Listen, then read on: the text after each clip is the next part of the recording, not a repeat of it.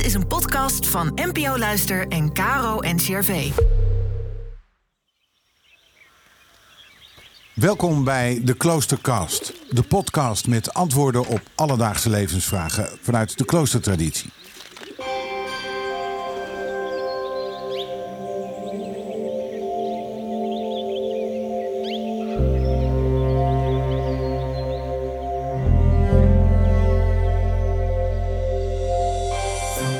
Rebecca Brown is abdis van het Clarisseklooster Sint-Josefsberg in Megen. Ook wel Assisi aan de Maas genoemd. Ze leeft vanuit de Franciscaanse spiritualiteit. Op de feestdag van Franciscus geeft zij antwoord op de vraag: wat kunnen dieren ons leren?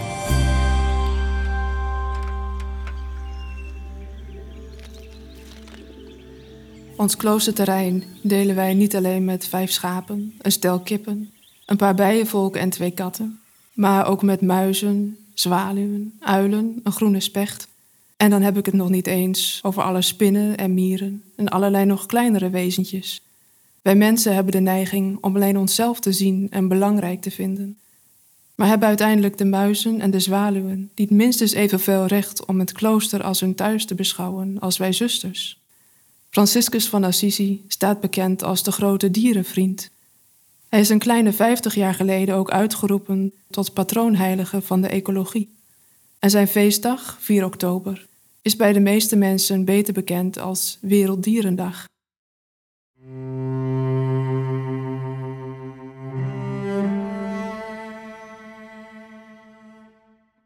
We moeten ervoor oppassen hedendaagse gevoeligheden en motivaties te projecteren op een middeleeuwer.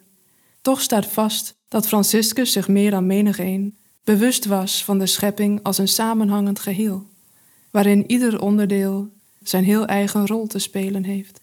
Hij wist dat leven, in welke vorm dan ook, menselijk, dierlijk, maar ook dat van bomen en planten, niet iets is waar wij als vanzelfsprekend over kunnen beschikken. Het komt uit God voort en keert uiteindelijk naar God terug. Misschien wel de bekendste tekst van Franciscus is zijn zonnelied. Het is een loflied waarin Franciscus bezingt hoe God geprezen wordt door zon en maan, lucht, water, vuur en aarde en alles wat op aarde groeit. En de mens, die wordt ook, en misschien wel met de meeste nadruk, opgeroepen zich te voegen in het koor van lof aan de schepper. Wij kunnen een voorbeeld nemen aan de stralende pracht van de zon, de nuttigheid en nederigheid van het water, de vrolijkheid en kracht van het vuur. Al die schepselen, en ook de bomen, planten en dieren, zijn in alle eenvoud wat ze zijn. En met die trouw aan zichzelf brengen ze lof aan hun schepper. Alleen wij mensen maken de zaak ingewikkeld. Eigenlijk alleen al doordat we ons, voordat we er erg in hebben, al de vraag stellen wie we eigenlijk zijn of zouden moeten zijn. Ook het stellen van die vraag hoort dus blijkbaar bij wie wij als mensen zijn. Maar het verwijst ons dan vooral naar de grote en centrale uitdaging van ons leven: om in alle eenvoud trouw te worden aan onszelf en zo onze eigen plaats in het geheel van de schepping in te nemen. Dieren en andere schepselen kunnen ons hierbij helpen. We kunnen ons spiegelen aan de zorgeloze schoonheid van een bloem die langs de weg staat te bloeien. We kunnen een voorbeeld nemen aan de kat die eenvoudig ligt te genieten van zijn slaapplekje in de zon. We kunnen leren van de onbevangen vreugde in de ontmoeting, waar een hond blijk van geeft die zijn baasje weer ziet.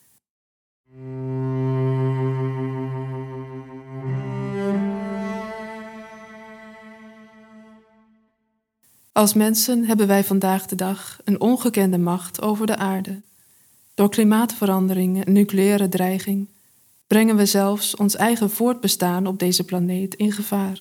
Misschien komt het inderdaad ooit zover dat we dit gemeenschappelijke thuis dat de aarde voor ons is, weer teruggeven aan de planten en de dieren, als wij het voor onszelf onleefbaar hebben gemaakt. Maar liever deel ik met Franciscus de hoop dat wij tot meer in staat zijn en ook geroepen zijn dan louter vernietiging. Wij mogen leren God te loven door dankbare, voluit levende mensen te zijn die ten dienste staan van het leven met een hoofdletter. Zoals Franciscus bidt en zingt: Allerhoogste, Almachtige, Goede Heer, van U zijn de lof, de roem, de eer en alle zegen. U alleen, Allerhoogste, komen zij toe, en geen mens is waardig uw naam te noemen.